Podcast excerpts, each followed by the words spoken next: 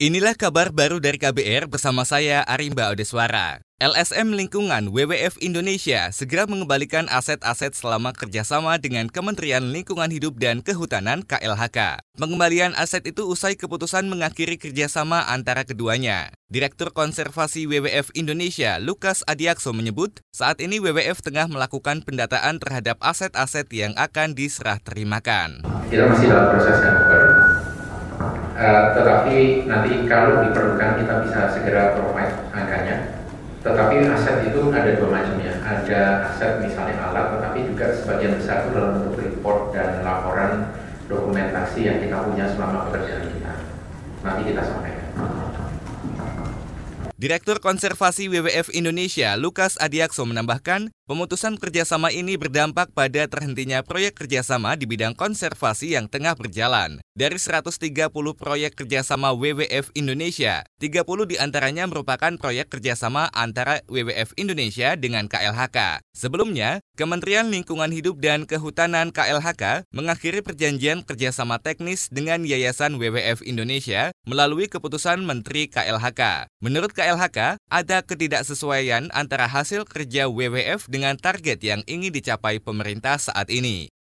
Sementara itu, saudara, Ombudsman mengingatkan pemerintah untuk segera mengevakuasi warga negara Indonesia di Wuhan, Cina, menyusul merebaknya virus corona jenis terbaru yang telah menewaskan seratusan orang dan ribuan lainnya terinfeksi. Anggota Ombudsman Ninik Rahayu mengatakan, negara harus hadir memberikan perlindungan kepada warga negaranya dari ancaman virus ini. Lalu kalau terkait migrasi orang, ada pekerja migran kita yang di luar maupun mereka yang balik ke Indonesia maupun perlintasan orang itu saya kira juga perlu mendapatkan perhatian untuk terus dibantu upaya-upaya evakuasi dan lain sebagainya. Anggota Ombudsman Nini Rahayu menambahkan, pemerintah harus serius mencegah dan memitigasi agar tidak terjangkit virus corona Wuhan ini. Ninik juga meminta agar imigrasi meningkatkan kewaspadaan terkait lalu lintas warga negara asing ke dalam negeri. Data Kementerian Luar Negeri mencatat sekitar 230-an warga negara Indonesia di Wuhan, Cina. Beralih ke informasi selanjutnya, Kepala Badan Kesehatan Dunia WHO Tedros Adhanom meminta dunia tetap tenang menyikapi penyebaran virus corona Wuhan. Tedros mengungkapkan tidak perlu ada evakuasi untuk warga negara asing yang berada di Cina. Walaupun semakin banyak kasus muncul di luar Cina terkait virus ini, namun Tedros menjelaskan hanya ada satu kasus di luar Cina yang merupakan penularan antar manusia. Hingga Selasa, jumlah korban jiwa akibat virus ini telah mencapai lebih dari 130 jiwa dengan lebih dari 5.000 jiwa terinfeksi.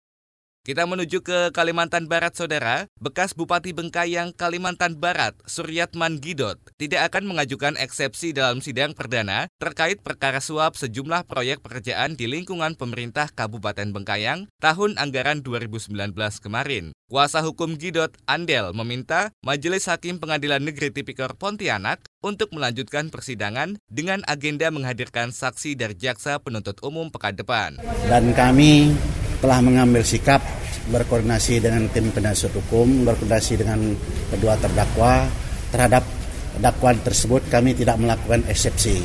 Kalau mengenai keyakinan, saya selaku penasihat hukum belum bisa mengatakan hal itu karena itu akan melalui proses persidangan dan semua ini kami serahkan sepenuhnya eh, kepada ranah hukum. Kuasa hukum Gidot, Andel, akan membela kliennya sesuai dakwaan CPU. Sebelumnya, bekas Bupati Bengkayang, Suryatman Gidot, terbukti menerima sejumlah uang dari kontraktor yang diwakilkan melalui kepala dinasnya pada operasi tangkap tangan KPK awal September 2019 lalu. Demikian kabar baru dari KBR, saya Arimba Odeswara.